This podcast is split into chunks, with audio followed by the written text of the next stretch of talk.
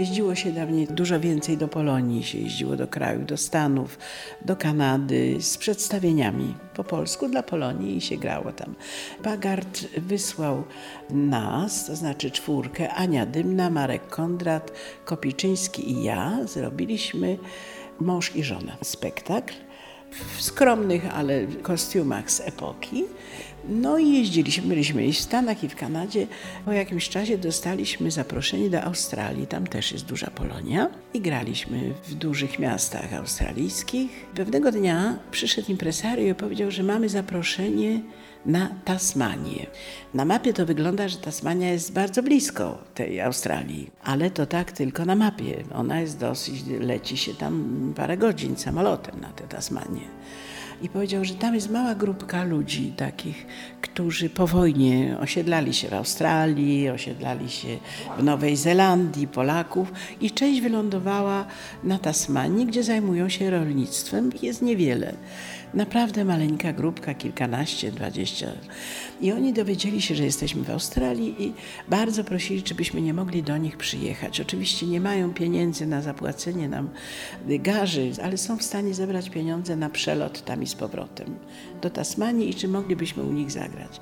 Bardzo ucieszyliśmy się, bo to było takie wzruszające zaproszenie.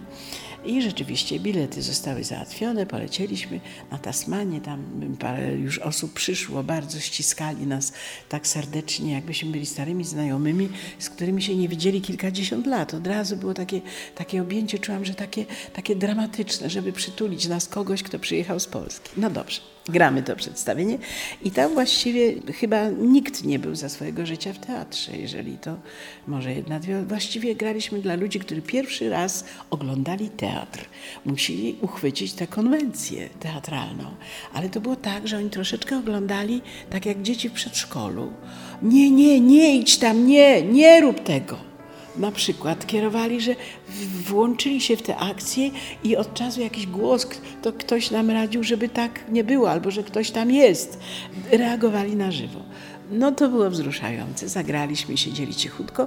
Jak skończyło się przedstawienie, wyszliśmy do ukłonów. Taka zrobiła się cisza, ktoś tam tak klasnął, a te oklaski takie były dosyć słabe, bo oni byli wzruszeni i tak przestali klaskać, bo to tak mizernie zabrzmiało te oklaski w tej małej salce. Taka była cisza, my patrzymy na nich, oni na nas wstali i nagle ktoś zaintonował Jeszcze Polska nie zginęła. No i tu się zaczęło. Rozszlochali się wszyscy, i oni, i my. Objęliśmy się i to były oklaski, o których trudno zapomnieć.